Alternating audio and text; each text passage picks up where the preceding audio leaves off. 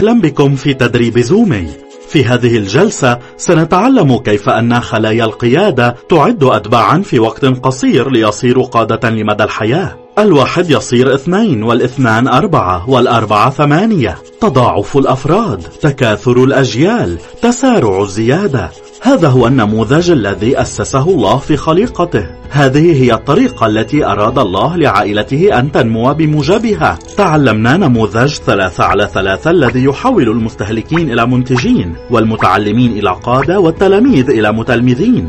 انظر إلى الخلف تطلع إلى الأمام. تعلم أطع شارك.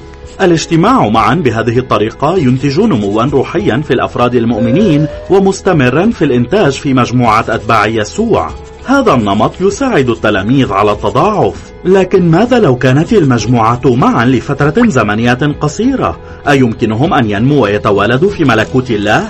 خلايا القيادة هي طريقة لتفعيل نموذج ثلاثة على ثلاثة عندما تعرف أن المجموعة تتواجد معا لوقت محدود. خلايا القيادة تعد الأفراد المؤمنين ليتعلموا في وقت قصير. خلايا القيادة تساعد المتعلمين ليصيروا قادة يبدأون مجموعات جديدة يدربون الكنائس ويبدأون المزيد من خلايا القيادة.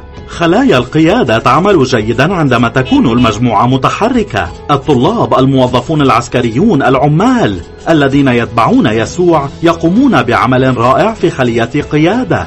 قد يكون من الصعب عليهم بسبب ثقافتهم أو مرحلة معينة من حياتهم أن يؤسسوا مجموعة مستمرة لكن يمكن أن يدربوا كيف يبدأون مجموعات في كل مكان ينتقلون إليه. خلايا القيادة تصلح جيدا في مجموعة من الأشخاص الذين آمنوا في نفس الوقت ويمكن تدريب مجموعات كعائلة أو شبكة من الأصدقاء في وقت قصير ليصبحوا منتجين مدى الحياة. تعلمنا في جلسة سابقة وتدربنا على الجزئين الأخيرين من نموذج ثلاثة على ثلاثة. والآن سنتدرب على النموذج بكامله.